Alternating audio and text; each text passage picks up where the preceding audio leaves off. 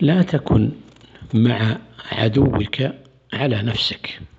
كان بعض السلف يقول في خطبته ألا رب مهين لنفسه وهو يزعم أنه لها مكرم ومذل لنفسه وهو يزعم أنه لها معز ومصغر لنفسه وهو يزعم أنه لها مكبر ومضيع لنفسه وهو يزعم أنه مراع لحقها وكفى بالمرء جهلا أن يكون مع عدوه على نفسه يبلغ منها بفعله ما لا يبلغه ما لا يبلغه عدوه. ما يبلغ الأعداء من جاهل ما يبلغ الجاهل من نفسه.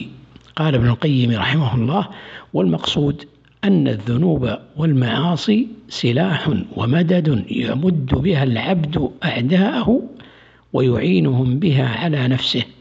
فيقاتلون بسلاحه ويكون معهم على نفسه وهذا غاية الجهل.